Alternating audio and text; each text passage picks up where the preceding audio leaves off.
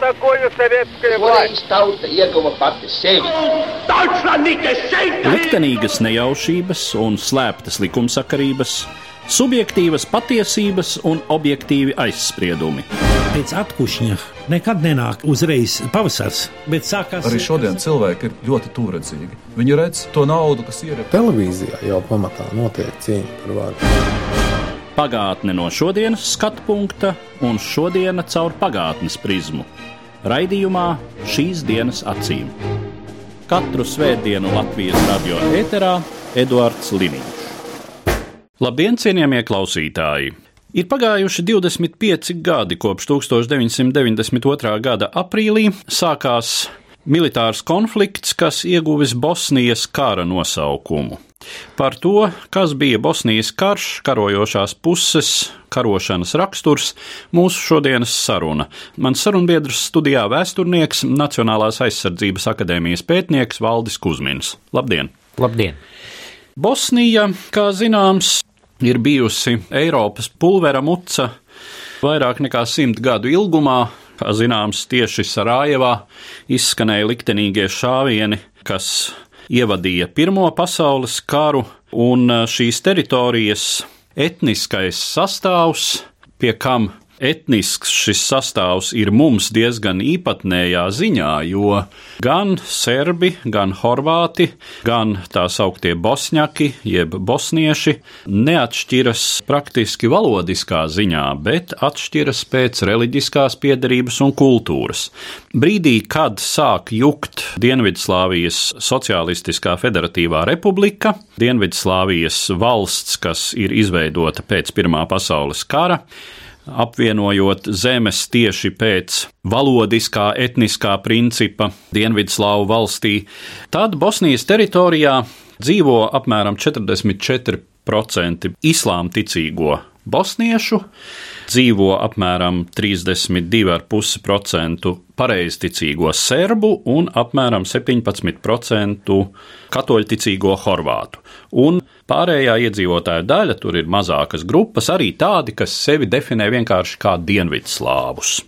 Par kardarbības sākumu pieņemts uzskatīt 6. aprīli, kad apvienoto nāciju organizācija atzīst Bosnijas un Hercegovinas republikas suverenitāti, un jau līdz tam tādas gruzdējušas etniskas sadursmes pārauga pilnvērtīgā kara darbībā.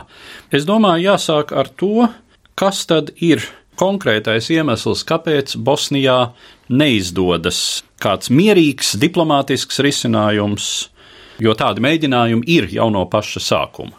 Pirmkārt, ja mēs runājam par šo teritoriju, tad tā bija Eiropas pulveru muca pēdējos vismaz 600 gadus. Sākot no 15. gadsimta beigām, tā bija robeža starp Osmaņu impēriju un Kristīgo Eiropu. Brīžiem tā bija robeža starp Ungāriju un Osmaņu impēriju, bija robeža starp Rumāniju, Osmaņu impēriju, Austriju. Itāliju, Venēciju. No šejienes arī nāk šis dalījums, vēlreiz tāds papildus arguments hipotēzei, ka nacionālitāte nevar būt īsti iedzimta, jo īstenībā tas ir kultūras, kas sevi ietver arī reliģijas sastāvdaļu, kultūras veidojums, kur cilvēks var kļūt par vai nu bosnieti, vai horvātu, vai serbu, kā nu viņš ko ir izvēlējies. Kā jūs minējāt, pēc Pirmā pasaules kara, kad tiek izveidota šīs valsts, un pēc Otrā pasaules kara kā tiek izveidota Dienvidslāvija, Brosta Tito vadībā, tad sevi jau ietvēra tādu iespējamo Balkānu pulveru mucu, kas varētu eksplodēt jebkurā brīdī. Ja Brosta Tito vadībā Dienvidslāvijas spēja saglabāt dažādu kompromisu ceļā šo valsti, kas sastāvēja no dažādām republikām, tad jau pēc Brostito nāves 1980. gadā šis kāršu namiņš lēnā garā sāk brukt. Un, ja mēs runājam, kāpēc nebija iespējama Bosnijas kara mierīga atrisināšana, mums jāpiet divus gadus atpakaļ, 1990. gada decembris, referendumi divās citās Dienvidslāvijas republikās, Slovenijā un Horvātijā, kur paziņo, ka viņi grib veidot uh, savus brīvus un neatkarīgas valsts. Kamēr Bosnijā vēl notiek sarunas un diskusija, vai vispār būs šāda neatkarīga valsts, tad Slovenija un Horvātija jau ir pirmais piemērs. Un mēs redzam, ka piemēram Slovenijā, kur 88% referendumā nobalsoja par neatkarības valsts izveidošanu, arī tur neizdevās izvairīties no militāras karadarbības. Tā saucamais desmit dienu karš kas sākās praktiski uzreiz pēc Slovenijas oficiālās neatkarības paziņošanas 1991. gada 25. jūnijā. Desmit dienu kara laikā Dienvidslāvijas bruņotie spēki ir spiesti atstāt Sloveniju, tiek parakstītas vienošanās. Brionī ir tāda vienošanās, kas sevi ietver, kādā veidā šīs valsts kļūst neatkarīgas. Un tas jau pierāda, ka pat Slovenija, kurā nebija šāds etniskais dalījums, kā jūs minējāt, 44% nav viena liela dominējoša. Bosnijā nebija, Slovenijā bija, bet tik un tā, tur bija militārs konflikts. Un tas pats notika arī Horvātijā, kas sākās ar tā saucamo Vukovāriju karadarbību, kas sākās 1991. gada augustā, un Vukovāras ielankums turpinājās līdz novembrim. Arī šeit bija karš, kas beidzās tikai 95. gadā. PSRS sabrukums arī bija diezgan grūzdošiem konfliktiem, tās bija barikādes. Baltijas valstīs un visur, kur citur. Atšķirība būtiski ir tāda, ka Dienvidslāvijas brostito izveidota aizsardzības sistēma paredzēja Dienvidslāvijas bruņotos spēkus, centralizētas karaspēka vienības, kuras vadīja līdzīgi kā, piemēram, Padomju Savienībā bija padomju bruņotie spēki, un bija teritoriālās aizsardzības vienības. Katrā no Dienvidslāvijas republikām bija sava teritoriālā aizsardzības struktūra, Līdzīgi kā zemesardze, kā aizsargi Latvijā 20. un 30. gados, viņiem bija milzīgi ieroču krājumi, un tās bija divas paralēlas struktūras. Un, kad pēc referendumiem gan Slovenijā, gan Horvātijā Dienvidslāvijas bruņoto spēku un arī Serbijas jaunās vadības, jauno līderu Slobodanu Miloševiču. Viens no tādiem uzstājumiem bija likvidēt šo teritoriālo aizsardzību un pārņemt ieročus atpakaļ Dienvidslāvijas bruņoto spēku kontrolē, kam gan Slovenijā, gan Horvātijā, gan Bosnijā, Melnkalnē un visur, kur citur ar lielākām vai mazākiem panākumiem pretojās. Tas ir gandrīz kā slavenajā izteikumā par lugu. Ja pie sienas karājās bise, tad viņi agrāk vai vēl izšaus. Un tas bija tas, kas notika Dienvidslāvijā.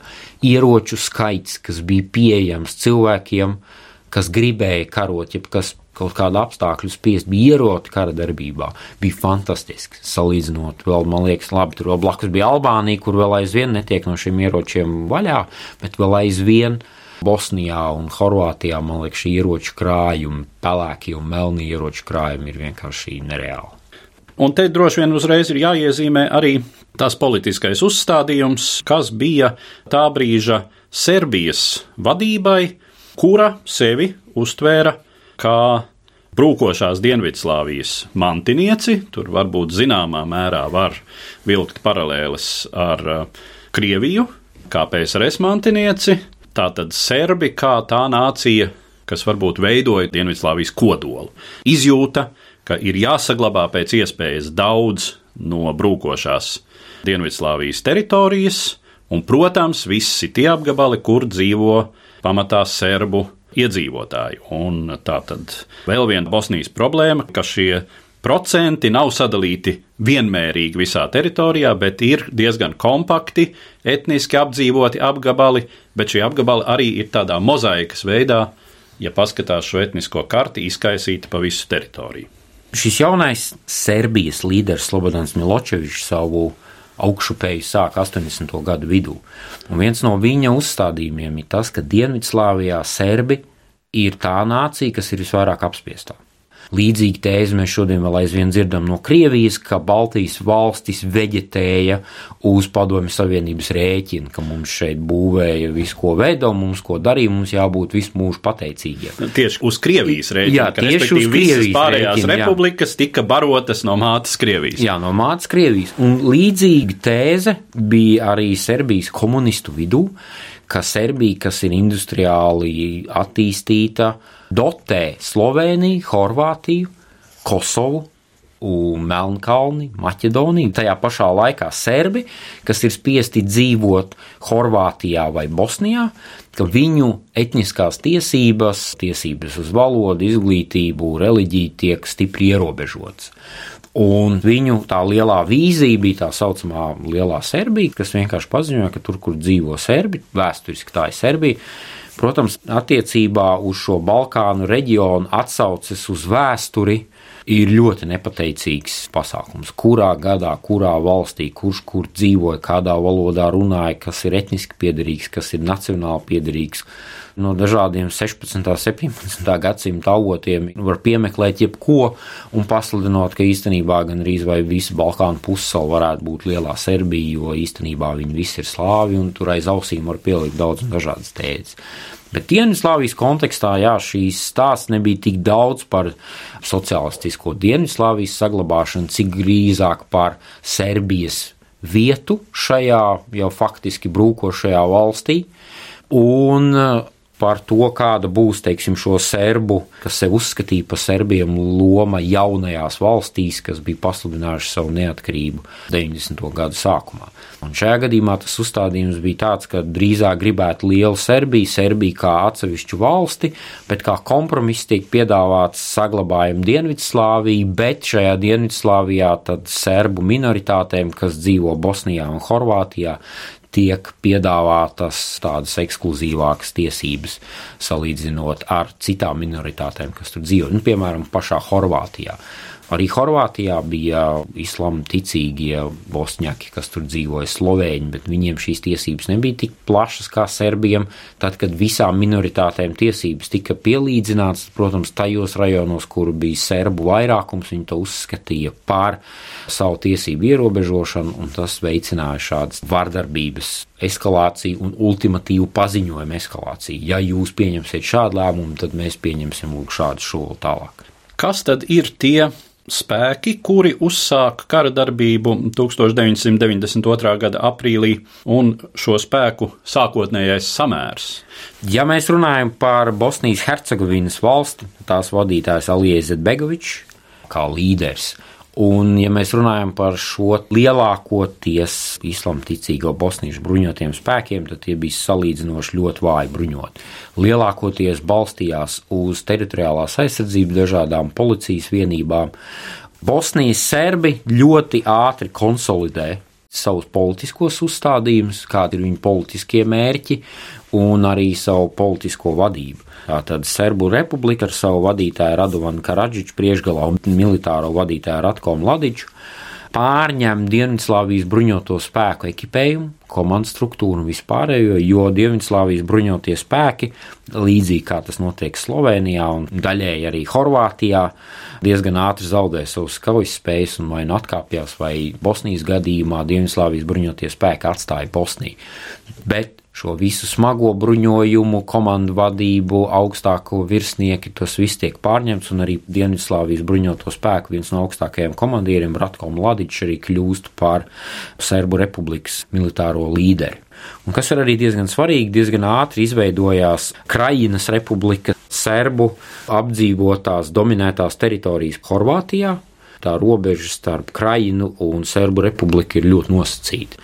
Pa vidu bija bosniešu musulmaņu anklāvs, Šiem serbu spēkiem izdevās diezgan ātri konsolidēt gan savu teritoriju, gan komunikāciju ar Serbiju, un militāro vadību un visu struktūru. Un trešais spēks ir Horvāti. Un Bosnijas kara gadījumā svarīgi arī ir uzsvērt līdz 1994. gada 23. februārim bosnieši un horvāti karoja arī savā starpā. Tas nebija ļaunie serbi pret visiem pārējiem, bet tas bija trīs dažādas puses. Protams, Horvāti ar serbiem reti, kad sadarbojās. Tas nebija tā, ka viņi būtu spējīgi vienoties savā starpā, bet arī Horvātiem un Bosniešiem bija savi militāri konflikti, kas noslēdzās tikai, kā es teicu, 94. gada februārī. Un šie horvātu bruņotie spēki arī bija ļoti cieši saistīti ar Horvātijas bruņoto spēku vienībām. Un, ja mēs, piemēram, paējam uz priekšu 1995. gada Horvātu militārās operācijas pret Krainu, kas vainagojās ar tādu ļoti lielu panākumu augustā. Tad ļoti liela loma bija arī tām horvātu vienībām, kas operēja no formāli Bosnijas teritorijas, bet liela daļa tie bija reāli horvātu bruņoto spēku, gan negluži sastāvdaļa, bet darbojās ļoti reāli saskaņot. Līdz ar to gan Bosnijas serbiem, gan Bosnijas horvātiem bija tas lielais brālis, Līdz ar to pašiem bosniešiem šī situācija, skatoties no militārā viedokļa, bija tāda visvājākā. Bet šeit noteikti gribētos uzsvērt, ka šī militārā konflikta sastāvdaļa nav tik vienkārši viņa analizēt no militārā viedokļa, kā kara darbība. Šeit ir ļoti daudz tādu konfliktu, kas saistīti gan ar kriminogēno pagātni. Ļoti daudz serbu paramilitārās vienības, bēdīgi slavenās militārās vienības, piemēram, Skorpioni, kas izcēlās Srebrenicas slaktiņā, vai Arkāna tīģeri, kas bija serbu paramilitārā vienība, Baltie ērgļi, viņu saistība ar kriminālajām aprindām bija ļoti liela, un vēl aizvien Serbijā, ja mēs skatāmies tālākos Kosovas kāru 90. un 2000. gadu konfliktus, un vēl aizvien Mēs tagad nesen lasām par apvērsumu mēģinājumiem Melnkalnē, par politiskām slepkavībām Serbijā, paramilitārās vienības un kriminogēnās struktūras. Ceļš 90. gados bija tik cieši augušas, ka vienkārši paziņot to kā militārs konflikts būtu ļoti sarežģīti.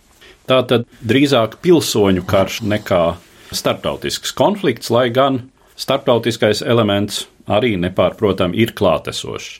Bet um, runājot par vēl vienu pusi šai konfliktā, kas arī tajā iesaistās jau no paša sākuma, un proti tās ir starptautiskās struktūras, kas mēģina vispirms ar diplomātiskiem un pēc tam jau arī ar militāriem līdzekļiem bremzēt šo konfliktu, mēģina uzlabot civiliedzīvotāju situāciju šai konfliktā un apvienoto nāciju organizācija kā savu instrumentu lielā mērā izmanto arī NATO spēkus.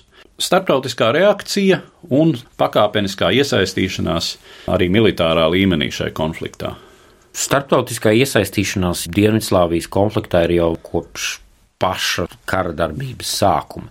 Un ir skaidrs arī motivācija, kādēļ dažādas starptautiskās organizācijas mēģināja panākt mierīgu risinājumu. Balkāni ir neatņemama Eiropas sastāvdaļa. Pilsoņu karš, bruņots konflikts, kurā, kā jau parasti militārā konfliktā, visvairāk cieši civiliedzīvotāji, Eiropas vidienē bija nu, nepieņemams izaicinājums gan Eiropas dažādām struktūrām, gan ANO un ar lielākām vai mazākām sekmēm šīs starptautiskās struktūras un dažādi politiķi tur iesaistās. Slovenijas neatkarības desmitdienu kara rezultātā šis konflikts bija viens no tiem, kuru izdevās arī nu, nosacīt atrisināt salīdzinoši efektīvi. 91. gada jūlijā tiek panākta vienošanās, kā Dienvidslāvas spēki atstāja šo teritoriju.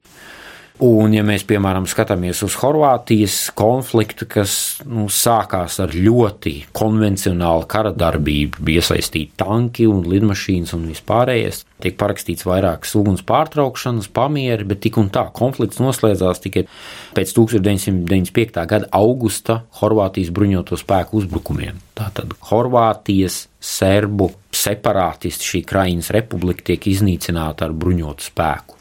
Un tikai pēc tam kad pārkāpjot dažādas pamieru vienošanās ar bruņotu spēku, tas tiek iznīcināts, tad tiek parakstīta vienošanās, kad vienojās, kā serbu tiesības tiek nodrošinātas, kā Vukovāra tiek atgriezta Horvātijas sastāvā, un šie starptautiskie procesi turpinājās līdz pat 2000. gadu vidum trīs horvātu bruņoto spēku ģenerāļi vēl salīdzinoši nesen tika tiesāti pār kara noziegumiem, kas tika pastrādāti 95. gada augustā, kad faktiski notika etniska sērbu deportācija vairāk vai mazāk piestiek kārtā no šīs krajinas, no Kninas apkārtnes.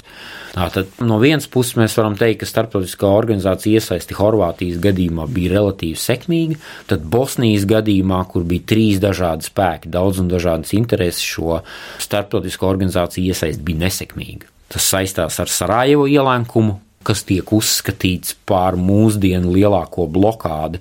Un faktiski Sarajevo arī kļūst par tādu kā sākuma punktu, kur šīs Bosnijas karš sāks. Tā 1992. gada aprīlis.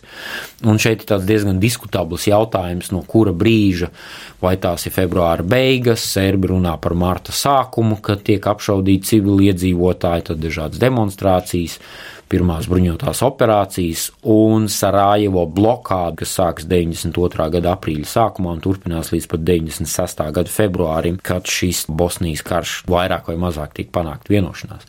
Bet šajā gadījumā varētu teikt, tas ir ANO misiju norieta sākums. Un parādās jauns spēks NATO, kas pirmo reizi piedalās NATO mieru uzturēšanas misijās kā NATO dalību valstis un kas izmanto bruņotu spēku. Šajā gadījumā mēs varam runāt par NATO aviācijas kampaņu. 1994. gada februāris aviācijas kampaņu pret Serbu republikas spēkiem, kas savā ziņā varētu arī teikt noved pie tā, ka Serbu republikā paraksta šo vienošanos un tiek izvietota Bosnija-Hercegovina tāda, kāda mēs to zinām šodien. Un kopš 95. gada decembra, protams, ir 60 tūkstoši spēku. Parīzē 1995. gada 14. decembrī šī vienošanās tiek panākta, visas puses paraksta, un tad NATO kļūst par to stabilizējošo spēku, kas nodrošina šo vienošanos īstenošanu arī ar diezgan mainīgām sekmēm. Un, protams, viens no lielajiem iemesliem, kādēļ tiek pieņemts lēmums par NATO spēku iesaistīšanās, ir Srebrenicas slaktiņš 1995. gada jūlijas, kad musulmaņu anklāvs Serbu republikas pašā vidū, tas būtu Bosnijas Hercegovinas ziemeļu austrumu daļā. Kopš 93. gada šī teritorija bija paziņota kā ANO drošības zona, un šīs ANO drošības zona nodrošināšana bija uzticēta Nīderlandes bruņoto spēku vienam bataljonam, un 3. un 4. jūlijā, kad notiek Serbu republikas bruņoto spēku uzbrukums, šie Nīderlandes bruņotie spēki nespēja nodrošināt. Šeit ir diskusija, kāds bija viņa mandāts, ko viņi drīkstēja darīt, ko viņi šajā situācijā varēja darīt, cik bija reāli, ka viņi varētu fiziski pretoties. Un pat ir Nīderlandes augstākās tiesas spriedumi, kur tiek atzīti, ka šie karavīri ir atbildīgi par sekojošu civiliedzīvotāju slepkavību. Nevis visu, bet, nu, teiksim, tur ir tiesas spriedums par trīs bosniešu vīriešiem, kas tika izraidīti no Nīderlandes armijas bāzes un pēc tam tika noslapkavoti. Tas bija tāds liels pagrieziena punkts gan priekš NATO, gan arī vispār priekš Eiropas bruņoto spēku karavīriem. Nu, un pēc tam mēs tālāk redzam Kosovas karu.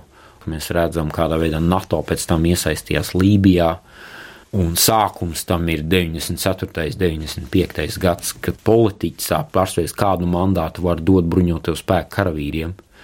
Vai viņi var aizsargāt ne tikai sevi, bet arī nodrošināt ar fizisku, militāru klātbūtni, ar tādu kinētisku spēku civiliedzīvotāju drošību.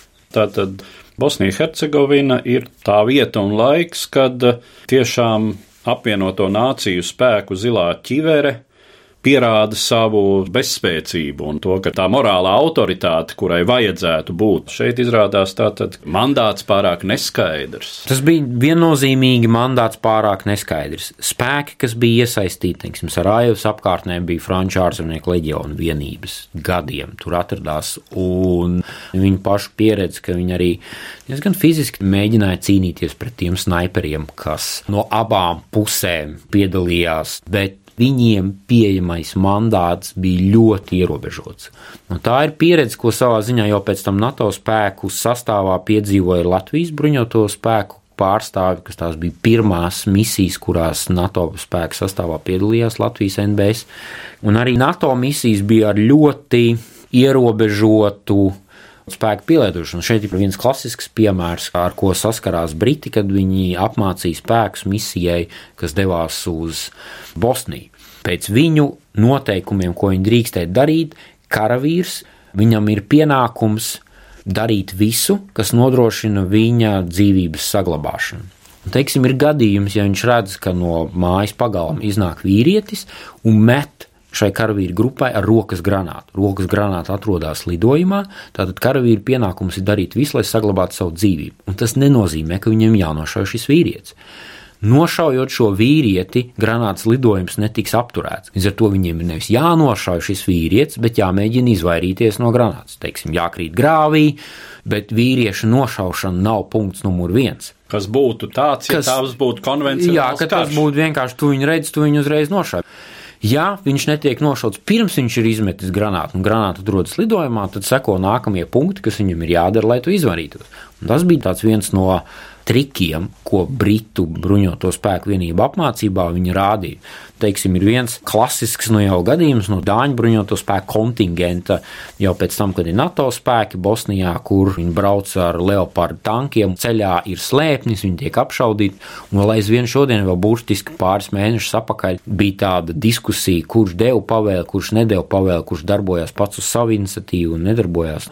Pilsoņu kara situācija, kad cilvēki ir daudz un dažādi, kad ieroči ir nenormāli daudz. Un, piemēram, tāds it kā vienkāršs uzdevums, neliela ciematiņa atbruņošana var izvērsties par militāru operāciju ar pilnīgi neparedzējumiem iznākumiem.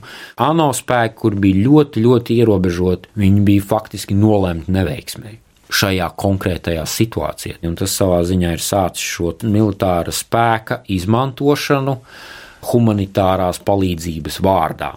Ko nereti mūsdienās mēs redzam, piemēram, Krievijas darbību Sīrijā, mēs redzam pārmetumus, vai ir vērts bombardēt miera vārdā. Un tā ir tā diskusija, kas vēl aizvien tiek pacelta, vai bija vērts iznīcināt Kadafī režīmu Lībijā, humanitāras demokrātijas, vispār cilvēcisku vērtību vārdā, ja mēs redzam, ka šī valsts praktiski ir darboties nespējīga, un vai tas bija tā vērts? Bosnijas gadījumā mēs redzam, tas bija tā vērts. Tagad mums ir Bosnijas Hercegovinas valsts, federatīva valsts, kur visas trīs iesaistītās puses piekāpās. Jo, piemēram, šī bruņotā konflikta sākums jau pašā sākumā tika piedāvāts šāds valsts uzbūves princips, kad šīm visām trim Bosnijas Hercegovinas sastāvdaļām ir ļoti liela automānija, bet tieši Alīze Begovičs sākotnēji parakstīja šo vienošanos un pēc tam atsauca savu parakstu no vienošanās, kurā bija paredzēta šī sadalīšana, kāda faktiski ir tagad. Bosnijas Hercegovina šī politiskā uzbūve, un pagāja trīs asiņaini gadi, ja mēs runājam par Sarajevu, Sebrinicu un citiem, jo tie ir vairāki desmiti ciemi, par kuriem var runāt, ka tie ir nu, faktiski civiliedzīvotāju slepkavošanas, kas notika šeit. Par visiem šiem konkrētajiem gadījumiem droši vien būs vērts runāt atsevišķi un veltīt noteikti kādu raidījumu gan Sarajevas blokādei, gan traģiskākajiem masu iznīcināšanas gadījumiem, etniskajām tīrīšanām un tam līdzīgi. Var tikai vēlreiz uzsvērt, ka te nav runa tikai par sliktajiem serbiem, jo lielākā vai mazākā mērā darīja visi savu reizi, bet šobrīd, varbūt rezumējot mūsu sarunu, tajā brīdī, kad tas viss notika, tas Eiropai bija lielā mērā šoks.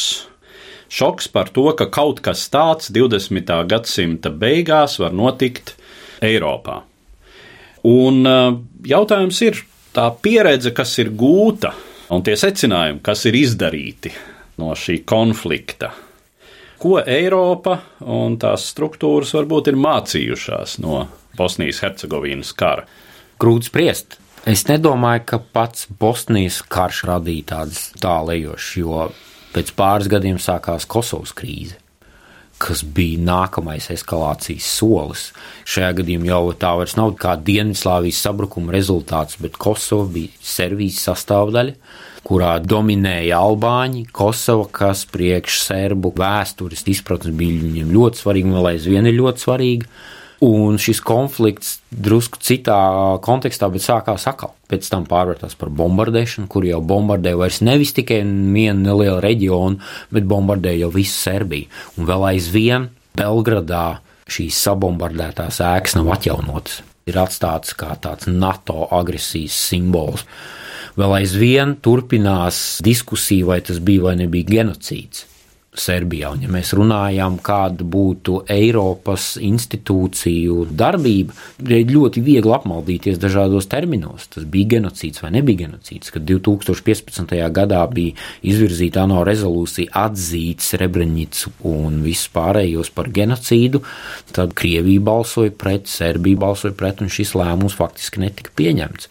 Tad jautājums, kas notika, manuprāt, vēl aizvien nav izdiskutēts, un kurš bija vainīgs un ko ar to varētu darīt, kā varētu to novērst. Tas, ko mēs noteikti redzam, ir NATO spēku, NATO lomas palielināšanās būtiski, kas sākās ar šo gaisa operāciju virs Bosnijas un ierobežojamo zonu, kur var lidot lidmašīnu noteikti, un pēc tam bija Kosovas karš, pēc tam mēs redzam visi nākamie daudz un dažādie kari, sākot ar Irāku un Afganistānu un tās pašas Lībijas.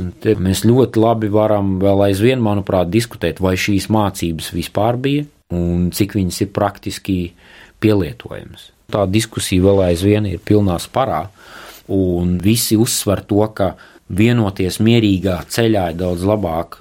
Es pieņemu, visiem tas ir skaidrs, bet kādi ir tie labākie līdzekļi un ceļi, un kāda ir kompromisa meklēšanas līdzekļi, kā nosēdināt cilvēkus pie viena galda un šo kompromisu sameklēt. Tas nav nemaz tik vienkārši. Un Sīrija tam ir tipisks piemērs tagad, kur mēs redzam vēl vairāk dažādas konflikts, kur mēs redzam reliģisku dalījumu. Mēs redzam, ka ir bijusi 20 gadu pieredze ar Dienvidslāviju, kā šos konfliktus vairāk vai mazāk risināt, bet tik un tā mums nav receptes, kā šo konfliktu atrisināt. Līdz ar to es neuzskatu, ka mums būtu kādas reālas mācības gūtas. Ar tādu secinājumu tad es arī noslēdzu mūsu šodienas raidījumu, kas bija veltīts Bosnijas karam, un saku paldies manam sarunbiedram, vēsturniekam, Nacionālās aizsardzības akadēmijas pētniekam Valdim Kusminam. Katru svētdienu Latvijas radio viens par pagātni sarunājas Eduards Liniņš.